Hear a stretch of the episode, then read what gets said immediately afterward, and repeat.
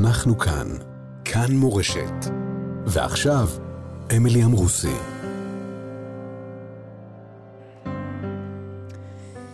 שוב איתכם בצהרי היום, אנחנו כאן אה, לשעה של אה, רוח קרב, אה, קצת אמונה, קצת משמעות, הרבה כאב. איתנו האורח שלנו היום, הרב דורון פרץ, שלום לך. שלום, שלום, אמילי. לפני שנציג את ההקשר הכואב והרחב שלך למלחמה, נגיד תודה למי שעורך אותנו, איתי סופרין עורך, הטכנאי הוא משה מושקוביץ, על הדיגיטל עופר לרר. אנחנו מצולמים גם בפייסבוק של כאן מורשת. הרב דורון פרץ, אתה אב לארבעה ילדים. אחד מהם חטוף אה, בעזה, סגן אה, דניאל, אה, לוחם בחטיבה 7 בשריון. שלחם אה, במוצב בנחל עוז, והאחר, יונתן, מ"פ בצנחנים, סרן יונתן, שנפצע בקרבות בנחל עוז. אה, הם היו שני אחים קרובים אחד לשני, כנראה בלי לדעת. נפצע בקרבות בשמחת תורה, אחרי שלחם בגבורה גם בכפר עזה, גם בסעד, ולבסוף גם בנחל עוז. הוא נפצע, אושפז, שבוע וחצי אחרי שאושפז, קם ממיטת uh, בית החולים אל החתונה שלו, התחתן, כולנו זוכרים את התמונה. שבוע וחצי אחר כך חזר לצבא, uh, והוא נמצא כעת uh, בתפקיד שלו בצנחנים. Uh, יש לך גם שתי בנות, שהשם ישמור אותן. וחוץ מזה, אתה גם משמש כיושב ראש תנועת המזרחי העולמית, מארח כאן מדי יום קבוצות של עשרות משלחות אה, של רבנים ונציגי קהילות שמגיעים לישראל. אני אתחיל בשאלה הכי רחוקה מהנקודה של כאן ועכשיו. עליתם מדרום אפריקה לפני תשע שנים, אתה ומשפחתך, בעיצומה של מלחמת צוק איתן. יש איזו מחשבה, סליחה על הכפירה, לו הייתם נשארים שם, בדרום אפריקה, הייתם מוגנים יותר? תמיד יש מחשבות. כולנו יש אלפי מחשבות כל יום. השאלה אם המחשבה הזאת היא אף פעם ירדה לתודעה כאיזשהו משהו שאני מתמודד איתו, השאלה היא לא. קודם כל לא עוזר לחשוב מה אם. אנחנו חיים בהווה לקראת העתיד, אבל גם בלי זה, אדם מחליט החלטות שהוא מרגיש שבאותם רגעים היה הדבר הנכון לעשות. מה הדבר הכי נכון ליהודי שחי בדרום אפריקה לרב קהילה ומנהיג קהילה, שאגב בא מבית מאוד מאוד ציוני, אני אספר לך. הרבה אנשים שומעים את המבטא שלי, אומרים, זה, זה פרץ? זה לא נשמע פרץ. כן? אבא שלי אה, נולד במורוקו, עלה מקזבלנקי מהמשפחה שלו לארץ עם שנות החמישים, היו במעברות וכל זה.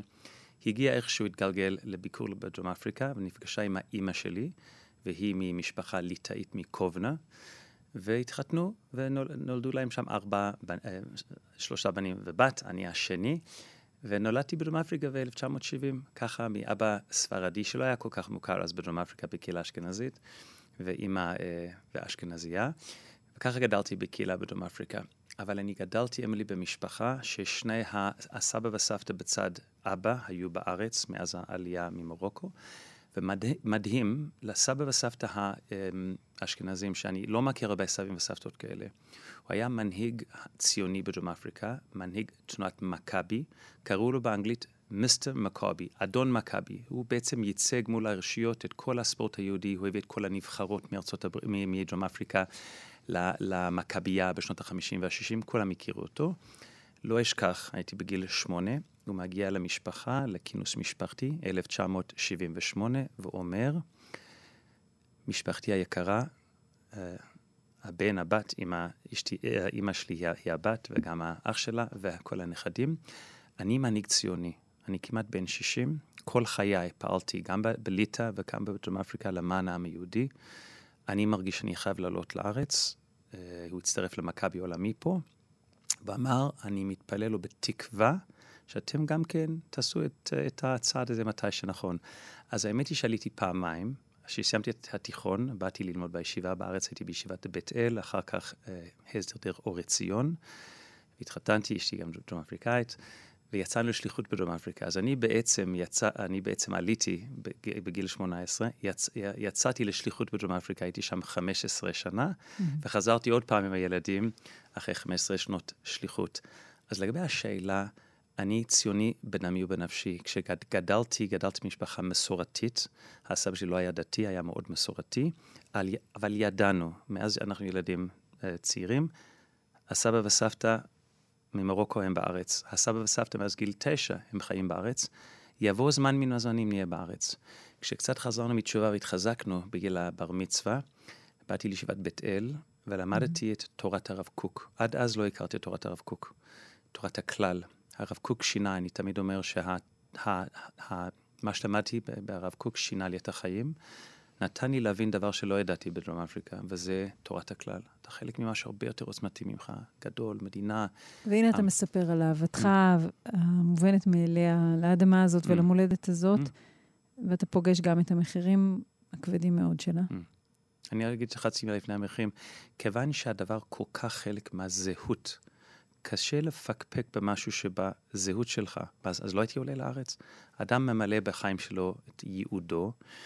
וזאת ההחלטה שהוא קבל, ולצערנו יש מחיר, אנחנו מתפלאים ומקווים שהמחיר יהיה בסוף פחות טוב ממה שיכול, פ, פ, הרבה יותר טוב ממה שיכול להיות, אבל אני לא מרגיש אישית, אמילי, שזה פגע כהוא זה בהחלטה שזה המקום שאנחנו צריכים להיות. אוקיי. Okay. דניאל, בנך השני,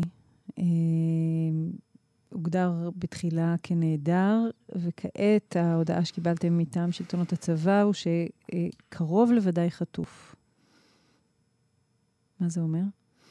זה אומר מההתחלה, כשישבו איתנו, אגב, שמעתי בג'ינגל בהתחלה שאמרו, כאילו, יש אנשים שאם זה היה ילד של מישהו אחר או משהו כזה, שלא, אני, אני יכול רק לדבר בטעם אבא של כן, חייל. אנחנו שמענו, רק נגיד, שמענו כן. פרומו כן. למשדר בכאן 11, במילות כן. 30 ימים ללחימה. אה, משפחות החטופים טוענים, טוענות mm. שהיחס הוא לא מספק, mm. ואם זה היה בן של ראש הממשלה או אחד מהשרים, אז היה יחס אחר. אז רק זה לא, לא, אני לא יכול להביע בזה דעה, בגלל כן. שרוב האנשים הם אזרחים. אנחנו חיילים, אנחנו אבא של חייל. אני יכול לומר שמבחינתנו, זה נכון שלקח כמה ימים עד שהגיעו אלינו בהבנה, בגלל שהמצב שלא הייתה שום תרחיש אה, להתכונן לזה. פשוט הצבא היה מבחינתנו מדהים. מי שמייצג אותנו משון, אה, הוא בעצם איש תקשורת שמתקשר איתנו מטעם הצבא, קוראים לו יוסי אה, שמש משוהם, הוא במשפחה שלנו. אין יום שהוא לא בבית, מתקשר לכל הילדים, מלווה אותנו. גם ברגישות מעדכן כל דבר, יש כל מיני עדכונים כואבים. לדוגמה, לפני כמה ימים הגיעו גם ה... היה מאוד כואב, שני ארגזים מהנחל עוז עם כל החפצים של דניאל, מה, גם מהחדר וגם מה... מהטנק, וזה נורא לקבל דבר כזה, והתהליך היה לנו מאוד קשה, אבל כל ברגישות וכל זה, אז אמ, אני רק רצ, רציתי לומר, שכחתי את השאלה כבר, כל הפרגון שלי. אמרת, כן. למה שינו את ההגדרה ככה? מה, מה זה אומר קרוב לוודאי חטוף? כשבהתחלה הגיעו אלינו ביום רביעי-חמישי של אותו שבוע ראשון, ואמרו שאחד אה, נהרג בטנק, חלל, שגם נקבר, תומר ליבוביץ' קוראים לו, ועוד אה, שלושה אה, נעדרים. מה זה אומר נעדר? אין לנו שום מידע. יודעים שהוא לא בטנק, יודעים שהוא לא בין החללים שיש כרגע לצה"ל, אה, אבל אין שום מצלמה, עדות אישית, שום דבר שמצביע על כך שהוא נלקח בשבי. נהדר. כעבור שבועיים, שבועיים וחצי, ישבו איתנו ואמרו, משנים את, ה, את ההגדרה. למה? אחרי ניתוח של הזירה, כל מיני דברים גם מהמוסד וכל מיני דברים אחרים, יש מספיק um, הוכחות נסיבתיות, הרי אין מצלמה ואין uh, עדויות. מספיק דברים, הרי הצ, הצבא רוצה, המדינה רוצה להוציא אנשים מגדר של נעדר. מה זה נעדר? יש אגב מעט מאוד נעדרים, אני חושב שרק אחד נשאר בצבא שהוא עדיין נעדר, uh, as of yesterday, כאילו עד, עד לאתמול בערב. לכן אם יש משהו שמסמן על משהו שמצביע על משהו אחר, זאת אומרת, קרוב לוודאי, לא ודאי, אין, אין עדות אישית, אין זה, אבל קרוב לוודאי לפי הנסיבות. גם חילקו איתנו אתמול, קצין ממודיעין גם ישב איתנו, גם רוצה לחשוף את הפרטים, אבל לפי זה קרוב לוודאי אה, שהוא שם. שהוא שבוי. שהוא שבוי. כן. הבן שלך שבוי בשבי החמאס. מה זה אומר כאבא? מה זה אומר כאבא? אני חושב שכולנו מתמודדים עם דבר שלא דמיינו, או אולי דמיינו בסיוטים הכי רחוקים שלנו באיזושהי מחשבה חולפת. אני אגיד לך כמה דברים. אמ, אנשים שואלים לפעמים מאיפה, הכוחות להתמודד. א', אנחנו לבד. לצערנו, יש 240 ומשהו חטופים. אתה נמצא במצב שאני נפגש עם משפחות. אני לא רוצה לומר, המצב שלנו יותר טוב, הוא, הוא גרוע ביותר, אבל יש הרבה משפחות שזה יותר מבן משפחה אחת. יש הרבה חולים, מבוגרים, ילדים. אני הייתי באיזשהו מפגש לפני שבוע, פשוט בכיתי כל ה... אמרתי, לי יש רק אחד, הוא גם גבר, והוא גם חזק בריאותית, והוא גם בצבא. אז זה כואב נורא, אבל אתה פשוט בתוך הוא יושב, אתה יושב, אתה רואה את הכאב של האנשים ש... לא, אי אפשר להשוות בין כאב לכאב, אבל אמפירית אי אפשר לתאר. אני לא יכול לדמיין לעצמי, חברי הרב שמואל סלוטקי היה פה, איבד שני בנים, אני לא יכול לדמיין לעצמי דבר כזה, אני לא יכול לדמיין לעצמי שמישהי ישבה שם ואמרה במעגל עם שר הביטחון, אבא שלי בן 80 נהרג, כאילו עצרו אותו, אימא שלי בת כמעט 80 בשבי, ואח שלי בן 47 נעדר. היא אומרת לי, מה זה הדבר הזה? נהדר. מה, הוא התעלם? שלושה שבועות, לא יודעים איפה הבן אדם? היא אמרה, אני בכל ההגדרות. אז קודם כל, אתה יושב בתוך אומה שאיבדה 1,400 אנשים, שכל, שכול בכל מקום. הרבה פצועים והרבה נעדרים והרבה uh, שבויים, אז את, אתה חלק ממשהו עצמו עוצמתי. אתה על הכרית שלך בלילה. נמצא שם לבד, או עם זוגתך. כן, אז אתה לא... אה, אה, ברגעים, ברגעים שבהם אתה רוצה לגעת בבן שלך, העובדה שיש עוד 240 אנשים שגורלם קשה יותר או קשה פחות, לא, לא באמת משנה את התמונה שלך כאבא. מאה אחוז. מה המחשבות שעוברות? קודם כל, תרשי לי לחלוק עלייך. הדבר היחיד שאנחנו באמת שולטים בהם, זה מה אנחנו בוחרים לחשוב ולהתנהל. איך אדם חושב לחשוב, זו בחירה. אני תמיד מקבל הרבה הרבה כוחות מוויקטור פרנקל, שאמר שאדם מחפש משמעות, שהוא אומר, אף אחד לא יגיד לי שהם בחירה חופשית. אני ראיתי אנשים שמחלקים את הפיסה האחרונה של הלחם שלהם, ואנשים שגנבו את הפיסה האחרונה של האחרים. אני ראיתי אנשים, הוא כתב את זה באנגלית, ראיתי, אמר באנגלית, אני ראיתי את ה-animal וה-angel, ראיתי את המלאך של האדם ואת הבהמיות. והאדם בוחר מה להיות. אז אני אומר, אני כן אומר לך, הכאב הזה נמצא, זה נורא, זה ככל שחושבים על זה, אם אני חושב לעצמי שיש לי בן שבוי בחמאס, ומה עושים לו וכל זה, זה כבד מלנשוא. אז אני לא מתחמק מזה, אנחנו מדברים על זה, אבל אני בוחר לחשוב שהוא בריא, הוא בין הרבה אנשים שנמצאים שם, שהחמאס צריך אותו חי, מתפללים ומקווים שהוא באמת חי. אנחנו לא יודעים, לא יודעים שהוא לא חי, אבל מתפללים ומקווים שהוא חי. ומתפללים ומקווים, הרי גלעד שליט יצא אחרי חמש שנים, מתפללים ומקווים שהוא נכס לחמאס. הם צריכים אותם חיים, אפילו בהמות יש להם אה, יצר של הישרדות. וצריך לבחור לא להיות לא מציאותי. הרב זקס, אה, מורי ורבי, הרב יונתן זקס, אף פעם אומר, התורה זה לא אופטימיות. אופטימיות אומר כאילו משהו הזוי כזה. נבחר במשהו שהוא קצת לא מנותק מהמציאות. אנחנו מלאי תקווה, בגלל שהחיים שלנו, של העם היהודי, מראים שאך ועל פי, פי כן למרות הכל, יש תקווה. ממשיכים. אז אני אומר, אני בוחר להחליט הזכרת את גלעד שליט תמורת אה, שחרורו. Mm. לאחר חמש שנים וחצי בשבי חמאס אה, שילמה ישראל אה, בלמעלה מאלף מחבלים. גם היום מונחת קריאה כזאת על השולחן. תעשו הכל כדי להשיב את הבנים. את הבעיות של העתיד אנחנו נפתור בעתיד. הבעיה של ההווה היא אותם ישראלים, נשים, גברים, ילדים וקשישים שמוחזקים בשבי בידי החיות האכזריות ביותר. אנחנו רוצים אותם בחזרה בבית, יעלה כמה שיעלה. מה דעתי בעניין? Um, אני רק שבוע במשפחות של השבויים. אני ראיתי במפגש הראשון עם שר הביטחון שהיה לפני שבוע, תשעה ימים, אנשים שמתמודדים עם זה כבר מהרגע הראשון, והם חושבים על זה, הם במטה. אני שלושה שבועות הייתי אבא של בן פצוע, בן שהתחתן, האוטו אחד, mm-hmm. ובן נעדר. רק לפני שבוע בעצם נפל האסימון וואלה, אנחנו הורים של ילד שבוי, מה זה אומר? צריך להתנהל ככה. ולכן אני שבוע בזה ולא, אמ, ולא חודש. אני כן יכול לומר ששמעתי בצורה הכי כואבת וברורה שמהמשפחות שלא מעניין שום דבר, המשימה הראשונה של כל מדינה זה להגן על האזרחים. ופה חטאו בזה, וצריך לתקן את זה. זה נכון, אבל אני אישית לא יכול להתעלם מזה שיש גם 300 אלף חיילים שנמצאים שם, יש גם uh, um, תשתיות רוע שצריך למגר אותם. דבר אחד למדתי בחיים שאני מאוד מאמין בו, זה גם וגם וגם. החיים הם אף פעם לא חד-ממדיים. אי אפשר לבודד ולומר אך ורק זה. מה, בכל מכיר, לא, לא משנה כמה חיילים יהרגו, מי שיגיד, גם אם יהרגו כל החיילים בשביל... צריך פה, אני חושב, אני לא מקנא במי שמקבל החלטה. אם את שואלת אותי בתור אבא, בתור אבא הייתי רוצה שיהפכו את כל העולם רק בשביל להציל את הילד שלי. אבל אני לא רק אבא, אני גם בן לעם היהודי. אני גם בן לעם ש-300 אלף חיילים נאבקים.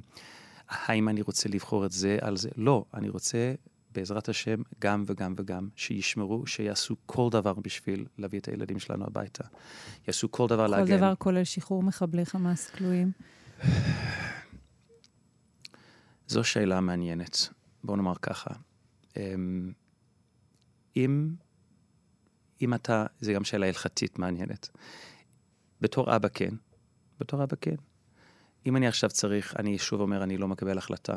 אז אני לא, אני לא יכול לשים את עצמי במקבל ההחלטה. על פניו, אם אפשר לשחרר 240 אנשים שלכאורה ודאי ימותו, לעומת, ולשחרר אנשים ששמא, אולי יעשו משהו, אם יש שמא מול ודאי, הייתי אומר, יש טענה חזקה לומר כן. אני רק מקווה, מתפלל, שאם יהיה דבר כזה על השולחן, צה"ל, יד, צה"ל ידע והמדינה תדע גם לגמור חשבון עם כל אחד ואחד מאלה. אבל אני אומר לך, מה שאני אומר לכם, אלי, זה לא מתוך, אני שבוע בעניין, אני, אין לי דעה ברורה בעניין. בתור אבא אני אומר לעשות הכל. בתור בן למשפחה, העם היהודי, וגם בתור אדם שחלק מהמנהיגות של העולם היהודי בכלל, צריך פה לשקול את הדברים, וצריך uh, באמת לראות, אבל uh, זה... זו החלטה מאוד קשה, בתור אבא ודאי. ודרישה לכניסה קרקעית מסיבית יותר, אה, חילוץ אה, פיזי ממשי? מה שהשר הביטחון הסביר לנו, הוא אמר לנו שכל המשפחות באמת דיברו על כך שהאם זה יסכן, הרי צריך כל דבר להציל את הילדים, והכניסה הקרקעית מסכנת, ולמה לדבר על לעשות שום דבר חוץ מלהציל את, היל... את, את בני המשפחה. שר הביטחון אמר, ואני קיבלתי את זה, הוא אמר, אני אומר לכם, עסקה של החלפה על השולחן, הוא לא מכיר דבר כזה, זה לפני שבוע, אבל הוא אמר, אם יש סיכוי להחזיר את הילדים ואת בני המשפחה שלכם, זה אך ורק דרך כניסה קרקעית. צריך הרבה לחץ, להפעיל המון המון לחצים. אז אני חושב, כך נראה לי על פי היגיון, על מי אני על פי היגיון, שהצעד הזה של כניסה מסיבית זה הדבר היחיד שיכול להחזיר את הילדים, שיהיה מספיק לחץ על חמאס, גם להכניע אותם וגם להביא את הביטחון. אז אני חושב שהצעד הזה הוא נכון לכל הדברים. צריך לשקול על מקבלי ההחלטות, לסמוך עליהם שהם ידעו אה, את המינונים הנכונים של כל דבר. נחזור לשמחת תורה בבוקר. שני ילדים שלך אה, לוחמים בעצם באותה זירה בנחל עוז, בלי שהם יודעים אחד על השני. יונתן אה, נפצע ו- ומפונה, אה, גורלו של דניאל אה, לא ברור. אה, מה עובר עליך ברגעים האלה? איפה אתה נמצא בשמחת תורה בבוקר? אנחנו בבית, בחדר, במיגון, בממ"ד. אה, הרבה, ביד בנימין חטפנו כבר משש אה, וחצי. בשמונה בבוקר הבן שלי, אה, יונתן עם ארוסתו, שאגב מקיבוץ סעד והייתה איתנו, הם היו אמורים לגור בקיבוץ סעד, אולי נחזור לזה. בזמן שהמשפחה שלה נמצאת... המשפחה, ההורים שלה... לכודים בתוך הקיבוץ המותקף, כן. בהחלט, כן. אז מה שקורה, אה, הוא אמר, אבא, אני בקבוצה עם 120 מ"פים, הרי אנחנו שומרי שבת, הוא לא בודק את הפלאפון, זה, אה, זה דלוק, אבל לא, משהו פה קורה. אני אף פעם לא היה כל כך הרבה הודעות, אני חייב לבדוק, אני בודק את 120 מ"פים מקורס מ"פים שלו. והוא רואה מילה, הזוי, הזוי, כולם אומרים הזוי, אז הוא רואה, מה הזוי? רואים את המיני טריילר הזה שראו בהתחלה עם רובים, אנשים ככה, מה זה? הוא אמר, מחבלים נכנסו מעזה? לא יכול להיות, כאילו, לא יכול להיות, לא ידעו מה זה. לא ידע מה לעשות עם זה, הוא גם בבא"ח צנחנים, הוא אחראי על, על ההכשרה. המג"ד שלו שלח הודעה בקבוצה של, ה, אמ, של הקצינים בבאח, ואמר, כל אחד שיכול, שיבוא לשדרות. אז הוא קם ומתלבש, אמרתי, אה, לאט לאט, מה זה כל אחד שיכול? זה לא בדיוק נשמע לי הקפצה, אנחנו מאוד בבאח צנחנים. צריכים אותי, אבל אולי תתקשר, מה זה כל אחד שיכול? אף אחד לא מאיתנו לא ידע מה קורה שם. הוא התקשר למג"ד, אמר, יונתן, אם יש לך נשק, תבוא לשדרות, תיפגש שם במגן דוד אדום. אמרתי, אין לך נשק. הוא השאיר, אף פעם לא משאיר את הנשק שלו בבאח, מכיוון שהיה הקפות, הקפות שניות להחזיר את ארוסתו אז לסעד, הוא אמר שהוא לא יביא את, ה, את הארוך איתו. אבל יש לי אקדח, מה זה אקדח? אמרתי, תתייעץ עם, עם ארוסתך, עם אבא. אמר לי, אם אני, יש לי נשק, אני נוסע. הוא לקח גם את האקדח של הבן השני של דניאל שהיה בכספת, והוא טס משם. ארבע וחצי בצהריים, שבת. בינתיים בזמן הזה דניאל אה, נמצא במוצב שלו בנחל עוז. דניאל במוצב. אז מבחינתנו, אנחנו לא יודעים, בשלב הזה, לא יודעים שיש חדירות. הוא גם במוצב, הוא גם טנקיסט. מבחינתנו לא הייתה טיפת דאגה על דניאל, וגם על יונתן היה קצת דאגה, אבל לא, לא חשבנו לרגע שקורה מה שקורה שם. אז הוא מגיע לשדרות, בסדר. זה המצב. Mm-hmm. אני חייב לומר, קצת, אמ, קצת דאגה, אבל לא, לא משהו במיוחד. ארבע וחצי הכל השתנה, פלאפון שלי ושל אשתי, הרי זה שבת, מצלצל, מצלצל, מצלצל, ממספרים שאנחנו לא מזהים במשך כמעט שעה. אמרתי, אני חייב לענות פה, קורה פה משהו. לקח לך שעה להחליט לענות? חצי שעה, בגלל שבחצי שעה הראשונה לא, לא, לא, לא שמעתי את הפלאפון. זה היה למעלה, mm-hmm. ואשתי אמרה שהיא שעה ראינו למטה. וכשראיתי בפלאפון כבר ניסו חצי שעה, אבל שוב, אני לא... צריך להבין, לא היינו בראש שיש מלחמה, מי, מי ידע מה קורה, אלא אם כן מישהו עוקר אחרי החדשות, אנחנו היינו בחיר, חשבנו הכל בסדר. אז לקח, נגיד, עד עוד איזה חצי שעה של כמה פלאפונים, זה גם פלאפונים שלא זיהינו, אמרתי, אוקיי, חייבים לה... הרי לא חשבנו שאנחנו במלחמה. עניתי על הטלפון, והוא אמר, אבא זה יונתן, לא לדאוג, אני בסדר. נפצעתי, חטפתי כדור בירך, אני בסדר, אני בסורוקה, בודקים אותי. דבר ראשון שילד אומר, אל תדאג, אתה דואג. אמר, אבא, שני דברים, אתה לא מבין מה קורה פה, אני לא יכול לתאר לך עצמה מה קורה פה. Um, אני מאוד חושש לחייהם של uh, משפחת לנדאו, שאני יודע, הייתי מחוץ לסעד, אתה לא מבין מה קורה. ההורים של. ההורים של ארוסתו, גליה. וגם הוא אמר שהדבר שהוא אמר שהשדכן שלהם, קוראים לה נריה לנדאו, הוא סמג"ד גם בצנחנים. הוא הכיר את יונתן, כשיונתן היה מ"מ או היה מ"פ, היא הפגישה אותו עם, ה, עם, עם אחותו הצעירה, והם מאורסים עכשיו. הוא אמר, אני יודע שהוא היה ב-890, היה באחד המסוקים שהורידו, ככה היה מידע שהורידו מסוק. אני יודע שהוא היה באחד מהם, אני חושש לחייו.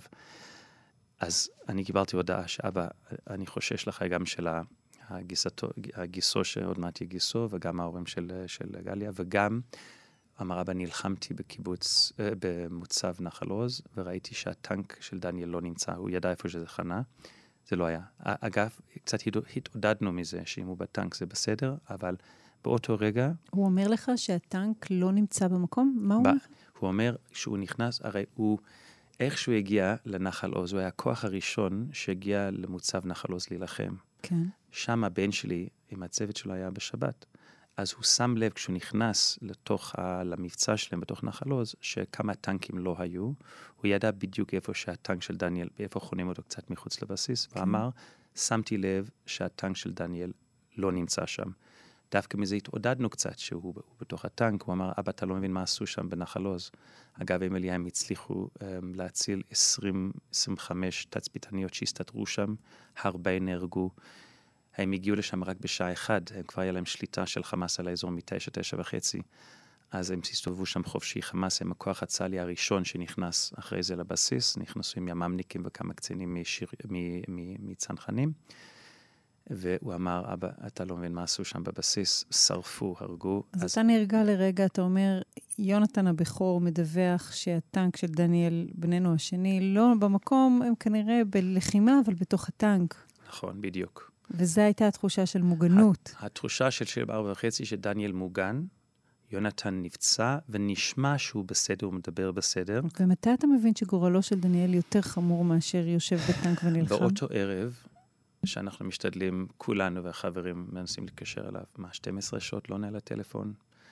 יונתן גם אמר לי שבדרך שנסעתי לדרום ניסיתי להתקשר אליו ולא ענה. עכשיו אנחנו יודעים שהרבה מאוד פעמים הטנקיסטים לא לוקחים את הפלאפונים לתוך הטנק, אבל כבר באותו ערב, אמרת 12 שעות, למחרת, כבר עכשיו 24 שעות, משהו קורה פה, כאילו משהו קורה, אפשר להיות 24 שעות בתוך הטנק?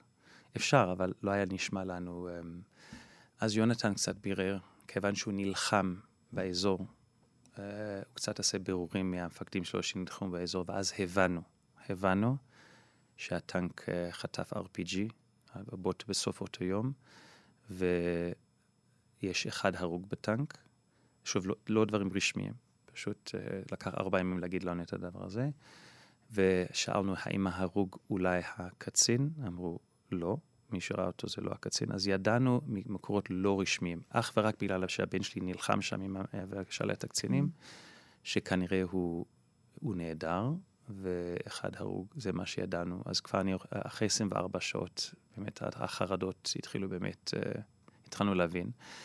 ו-12 שעות אחרי זה, שהבנו לא רק שהוא נהדר, אלא שאם הוא הגיעו לטנק והוא לא שם, אז כמובן אה, זה היה רגע מאוד מאוד מאוד קשה למשפחה, מאוד. בכינו ביחד כולנו, הייתי צריך לספר לאשתי ושתי הבנות שלנו, ויונתן זה הרגע ש- של... שכוח צה"ל מגיע לטנק, לחפש שרידים ואין... לא, האמת היא, שוב, כל מה שאני אומר לה זה לא רשמי. יונתן סיפר לי מהמפקד שלו, יונתן כל הזמן אמר, אבא, אם לא הייתי נפצע, הייתי הולך לשם בעצמי. הוא היה מאוד קרוב אליו, מתברר שהיה איזה 50 מטר, הטנק שלו היה מחוץ לבסיס, אבל הוא נפצע. אז כל הזמן הוא אמר, אני הייתי נוסע בעצמי, הרי עם כל הבלגן, אף אחד לא סיפר לנו במשך אה, ארבעה ימים, פשוט לא ידעו, לא, גם לא הגיעו לטנק. פשוט לא, לא, לא, יכלו לחלץ את הטנק. ממה שאנחנו מבינים מיונתן, שכוחות שנלחמו באזור, מישהו הגיע לטנק, הסתכל וראה הרוג אחד ו, ושלושה שאיננו, אבל זה לא, זה לא היה מידע רשמי. לכן הסתובבנו עם זה שלושה ימים, וגם, אגב, לא אמרנו למשפחות האחרות, אנחנו בוואטסאפ עם המשפחות של הטנק, של המשפחות של הבן ש, שלנו. אגב, לא ידענו שקוראים ה, לה צוות על שם המפקד, לא ידעתי את זה, אז הם, הם קוראים לעצמם צוות פרץ, לא ידעתי את זה, אפילו משפחות צוות פרץ. לא אמרנו להם את זה, בגלל שזה לא רשמי. למה להגיד שאולי אחד נהרג, למה על, על בסיס מה? בואו נחכה שהצבא יגיד לנו, אז לא אמרנו. אמ, אבל נאמר לנו שמישהו אה, היה שם, הסתכל בטנק, ראה הרוג אחד שהוא יודע שהוא לא הקצין, ושלושה שאיננו. זה מה שידענו שלושה ימים, וברביעי, חמישי של אותו שבוע, באו ואמרו לנו רשמית, זה המצב, מה, באופן רשמי מהצבא. הגיעו לכל המשפחות, ארבע משפחות בבת אחת, אחת בקריות, אחת בנתניה, אחת בתל אביב אלינו. אנשים שונים, תוך עשר דקות אחד מהשני, ובישרו לנו את הבשורה המרה. מרה, כי ספק הוא דבר קשה מאוד במצב מאוד. הזה. מאוד. אתם לא אבלים, גם חס וחלילה שלא כן. תהיו אבלים, אתם לא במצב שבו יש לכם מנחמים, אתם צריכים להחזיק מעמד. מאה אחוז. בין פה לשם. זה... אתה ישן בלילה? אני כן ישן בלילה. את יודעת, אני תמיד אומר בחיים, הרבה מאוד פעמים החוזקות שלנו זה במצבים מסוימים החולשות הכי גדולות שלנו, והחולשות הן החוזקות, תלוי איפה.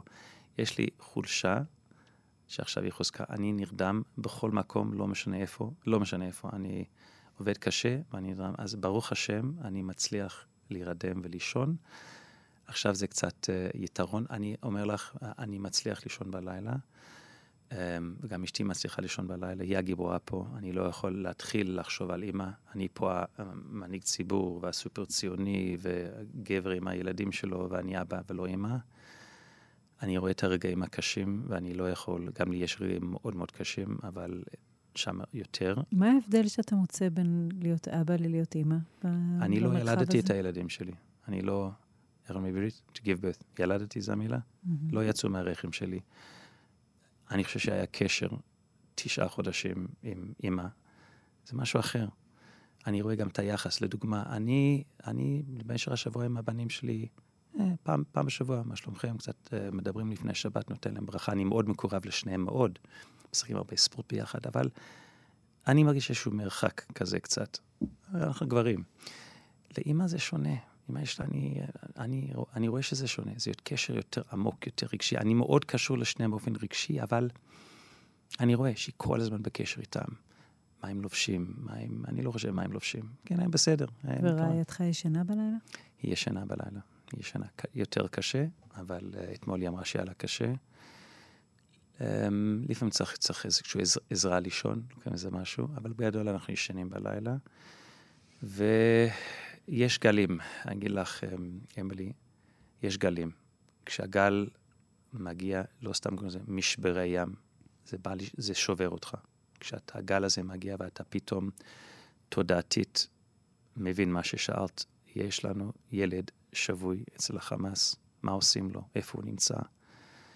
כשאתה מתחבר עמוק לרגע הזה, זה פשוט איום ונורא, אבל זה עובר. זה כמו משברי ים, זה עובר ועוד משמר, ואני כן ראיתי את זה, הרי מהקשים אי אפשר לתאר. ברוך השם הם עוברים, הם עוברים.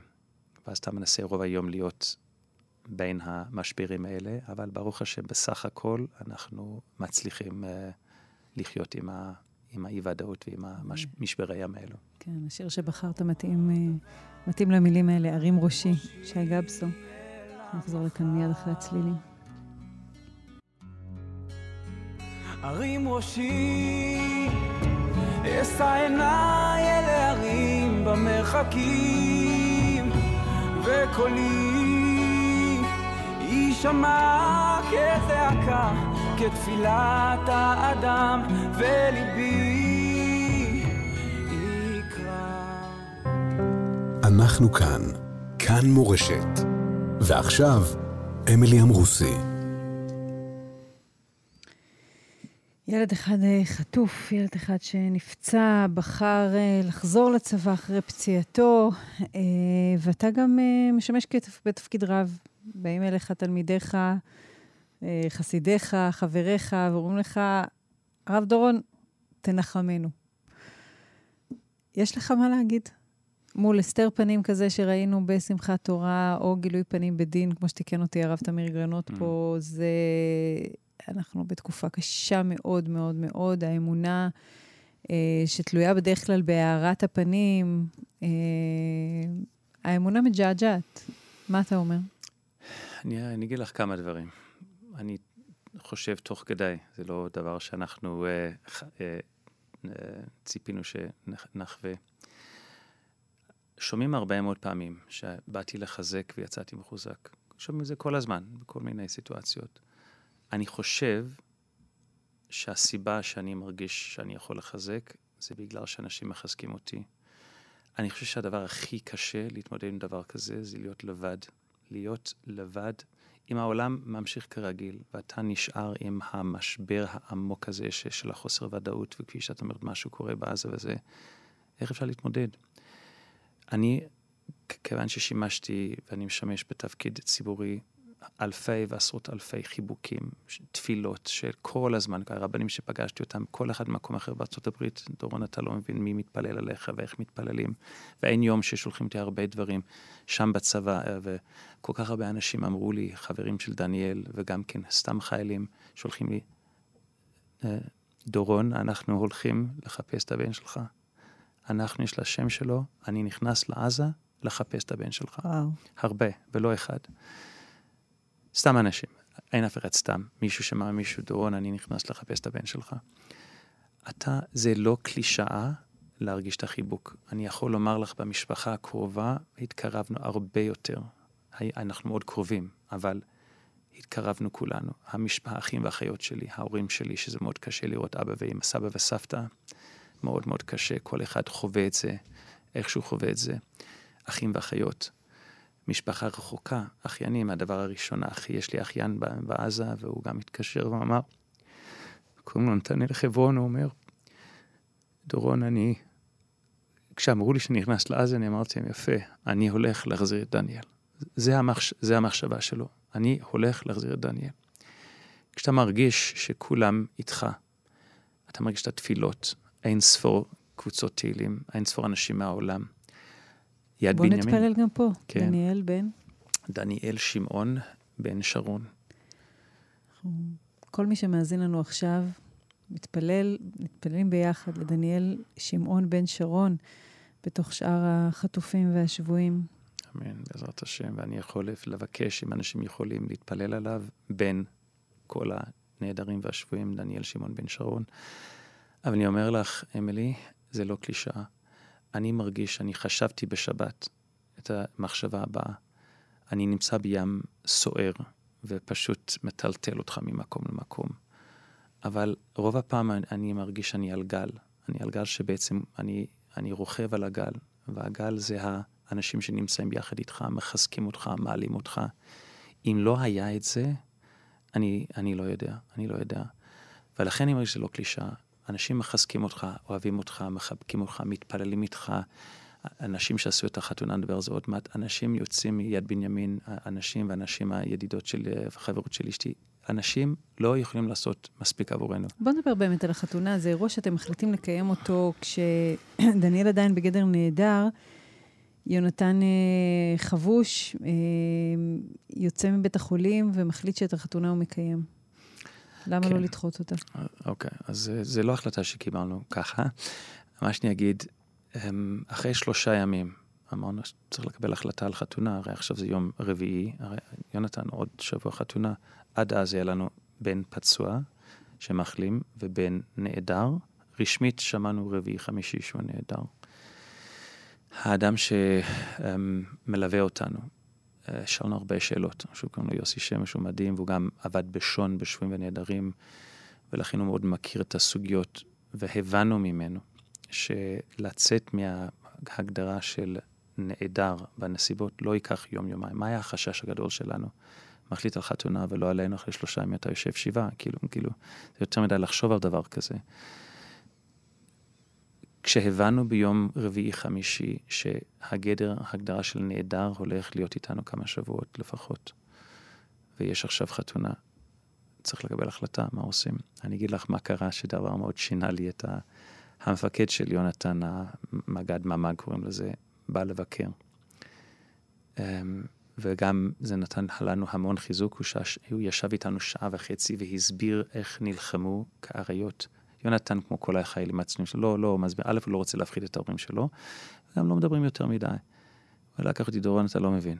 אני רוצה לבש את הבן שלי, אז אני לא אגיד יותר מדי, אבל אני אגיד, כל חיילינו ומפקדינו הם אנשים גיבורים, שומעים כל הזמן סיפורים שאי אפשר לתאר, לשים את כל הצרכים. זה עם ישראל בתפארתה, עם כל הסתר פנים, עם ישראל בתפארתה, ועוד ייכתב בספר זיכרונות של מלחמות ישראל. אלפי אנשים, והבן שלנו, הוא, הוא פשוט, הוא הסביר לי את זה בשעה וחצי, ואני התחלתי לבכות, אמרתי, איזה, איזה, איזה ילד גיבור, איך זכינו לילד ש... איך עשה דברים כאלה? ושוב, אני חושב שכולם עושים את זה, זה לא, אבל אתה רואה את עם ישראל בתפארתה. והדבר השני, הבנתי, אמילי, שזה שהוא ניצל, זה נס מן השמיים. באותו רגע נסעתי, נסעתי עיניי לשמיים, אמרתי, ריבונו של עולם, מקווים מתפללים לדניאל, אבל זה לא במקום מה שעשית פה ליונתן.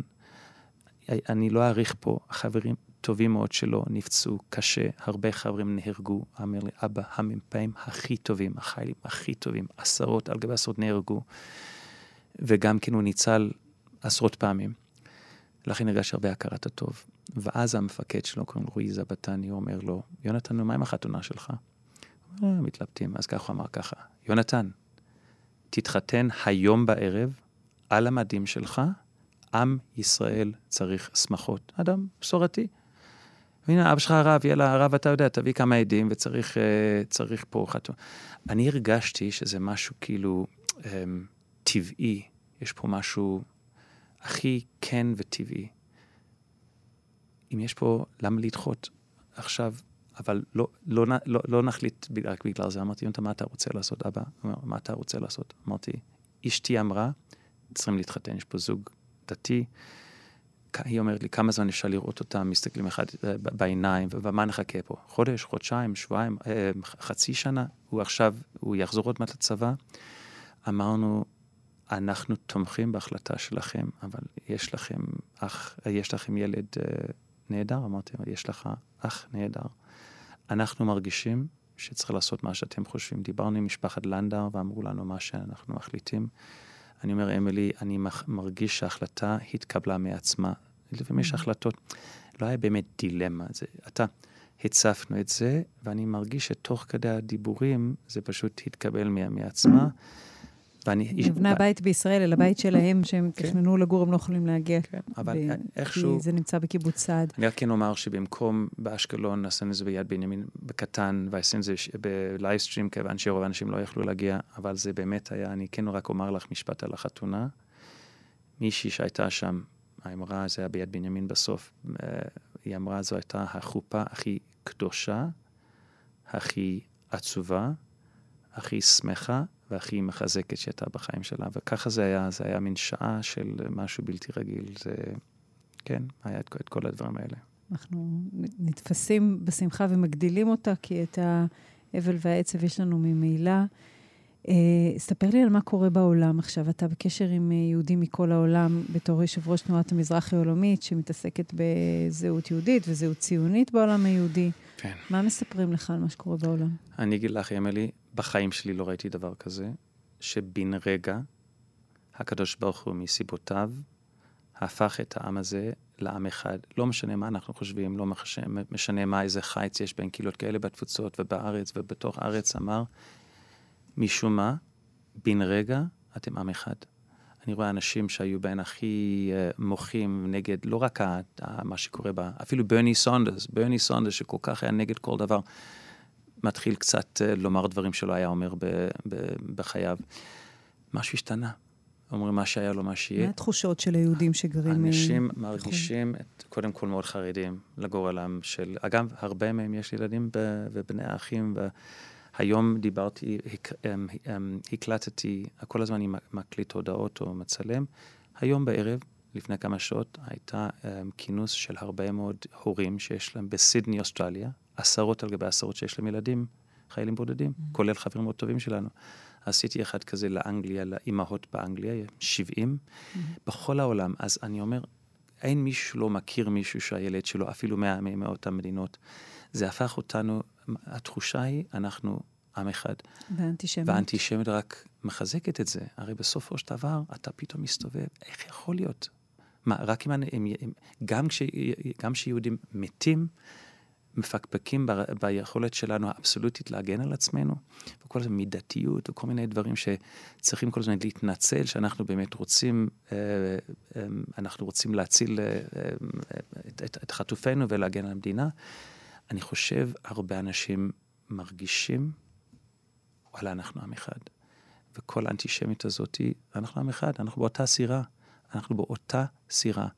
תנסה להתרחק מהיהדות שלך, מהציונות, ובסוף העולם מחזיר אותך ואומר, הקהילה היהודית בחוץ לארץ, מבחינתנו זה מיני ישראל. זה, זה אותו דבר, זה קהילה יהודית. הגורל של העם היהודי, הקהילה בחוץ לארץ, זה כמו ארץ ישראל. אגב, מצאתי את זה בכלי יקר וגם במרשה שני מפרשים, שאמרו שבית כנסת, אני אגיד לך, מותר דקה להגיד לך דבר תורה? בטח. זה באמת מדהים, זה באמת מדהים. כן. אנחנו אומרים בשמע ישראל בפרק השני, אומרים, למען ירבו ימיכם וימי בניכם על האדמה אשר נשבע השם. אז הפסוק אומר, אריכות ימים זה אך ורק בארץ ישראל, על האדמה אשר נשבע השם. שואל רבי יוחנן בגמרא במסכת אמ, מסכת ברכות, דף ח', איכא סבי בבבל? איך יכול להיות שיש סבים וסבתות בבית? איך יש אנשים מבוגרים? הרי ה...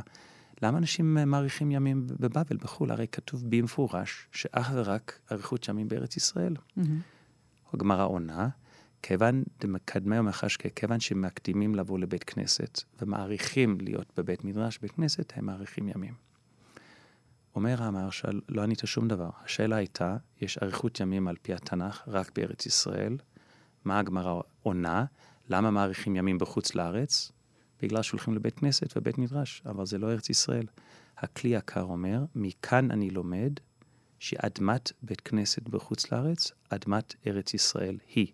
ולכן כתוב במסכת מגילה, עתידין בתי כנסיות ובתי מדרשות בחוץ לארץ לעקר לארץ ישראל. סימן שבית כנסת בחו"ל, קהילה יהודית בחו"ל, היא... זה כמו אקס-טריטוריה של השגרירות. בדיוק, וזה נקודה, וכך אני, בדיוק אני אומר, יפה, אני אומר שבית כנסת בחוץ לארץ, כפי שיש את העיקרון הבינלאומי הזה, כשאתה נכנס לשגרירות, אתה נכנס למקום מבחינה דיפלומטית בינלאומית, כן. אתה במקום האם. כשאתה דורך נכנס... על אדמת אותה מדינה, בדיוק דורך. אז כך בבית כנסת אתה דורך באדמת בארץ ישראל. כשאתה נכנס לבית כנסת, אז זה, אני אומר, בית כנסת ובית מדרש בחוץ לארץ, זה שגרירות רוחנית של מדינת ישראל, ולכן, אויבינו מבינים את זה, ואתה רוצה גם לפגוע במדינה היהודית, בחוץ לארץ אתה פוגע בקהילה היהודית, שמבחינה רוחנית הוא לא רק מקדש מעט, הוא גם מני מדינת ישראל וארץ ישראל. ולכן אני חושב רוחנית זה נכון, ולכן כל העולם בעצם מכריח את העם היהודי. אני חושב יש לכם מחלוקות, הכל בסדר. אתם מבחינתנו עם אחד, וצריך לעמוד ביחד. אנחנו שומעים קהילות יהודיות ממש מרגישות מאוימות, לא מדברים עברית ברחוב הישראלי, יהודים מסתירים את סממני היהדות שלהם. פחד אמיתי, אתה חושב שזה יניע תנועת עלייה לישראל, או שהמצב בדיוק להפך?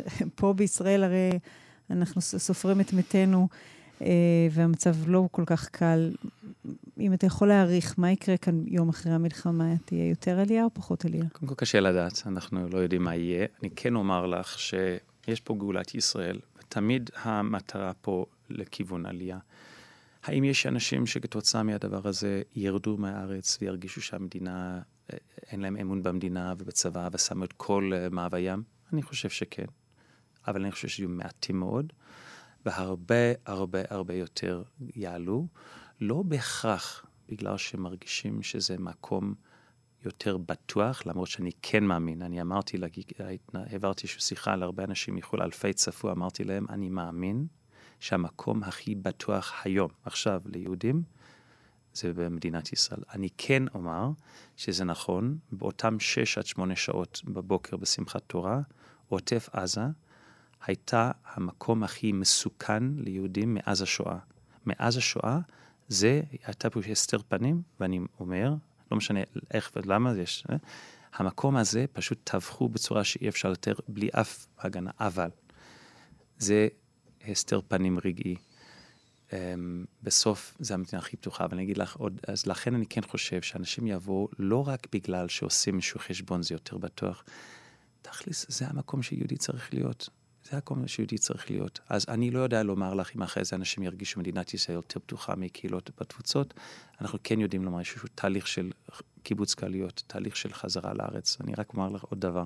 כשאנשים אמרו לי בדרום אפריקה שלא מקום הכי בטוח, יש הרבה פשע וכל זה, כשאנשים אמרו לי, אה, וואלה, אתה עולה לארץ, אתה עושה המקום הכי טוב ליהודים, אה, אה, אתה עושה הדבר הכי טוב לילדים שלך. אני אמרתי את הדבר הבא, אמרתי, אני לא יודע אם זה יותר בטוח שם או יותר בטוח פה, ואני גם לא יודע אם זה הדבר הכי טוב לילדים. אני לא יודע מה יהיה, אני רק מרגיש שזה הדבר הנכון שיהודי צריך לעשות. ואני כן חושב שמה שכן קורה פה בעולם, יש איזושהי הבנה יותר ויותר שבסופו של דבר מדינת ישראל זה העם היהודי, ואין מציאות כזאת לחיות בחוץ לארץ בלי מדינת ישראל. אז אני כן חושב שיתחילו, אה, אני כן חושב שזו המגמה. אה, הרב דורון פרץ, אתה בחרת עוד שיר, אנחנו נשמע קצת את הצלילים שלו על רקע הפרידה שלנו. אני יודע לך, אפשר עוד משפט אחד? כן. אפשר. אני רק רוצה לומר פסוק שמהדהד אצלי בראש כל הזמן, וזה פסוק מישעיהו. כן, כן, אני רק מסיים, זה 30 שניות. כתוב בישעיהו נ"ד, ברגע קטון עזבתיך, הקדוש ברוך הוא עזב אותך רגע, אבל ברחמים גדולים אקבצך. בשצף קצף הסתרתי פניי רגע ממך. היה שצף קצף והסתר פנים נורא, אבל זה רגע, רגע, אבל. ובחסד עולם ריחמתיך אמר גואלך השם, אני מתפלל, כשם שההסתר פנים הרגעית הזאתי, השצף קצף, יהיה באמת רחמים גדולים, יהיה אה, חסד עולם כחלק מהגאולה, והיום המר הזה יהפוך לנו כמשפחה, לכל משפחות החטופים, ולימי שמחה, וגם יהיה מנוף לאיזושהי צמיחה בגאולה למדינת ישראל והעם היהודי בעזרת השם. אמן. אנחנו נתחיל לשמוע את הצלילים של השיר שבחרת על רקע מילות הפרידה שלי. אה, השיר הוא אחינו כל בית ישראל. המילים הם אה, אחינו כל בית ישראל הנתונים בצרה ובשבייה העומדים בין בים ובין ביבשה, המקום ירחם עליהם ויוציאם מצרה לרווחה ומאפלה לאורה ומשעבוד לגאולה. אמן ואמן בקרוב אה, גם לבנך דניאל שמעון, בן, בן שרון. שרון, וגם ללמעלה מ-240 מהישראלים והישראליות, החיילים והאזרחים ששובו הביתה במהרה. את המשדר הזה ערך איתי סופרין, הטכנאי משה מושקוביץ, על הדיגיטל עופר לרר. אחרינו תהיה כאן אה, דבורה גוטמן קיציס. מחר בשעה אחת בצהריים אני אהיה כאן שוב. אני אמילי אמרוסי, מאחלת לכם יום שקט ובשורות טובות. תודה רבה לך, הרב דורון פרץ. בשורות טובות לך ולמשפחתך. אמן. לכל עם ישראל. אמן, אמן. אנחנו כאן. כאן מורשת.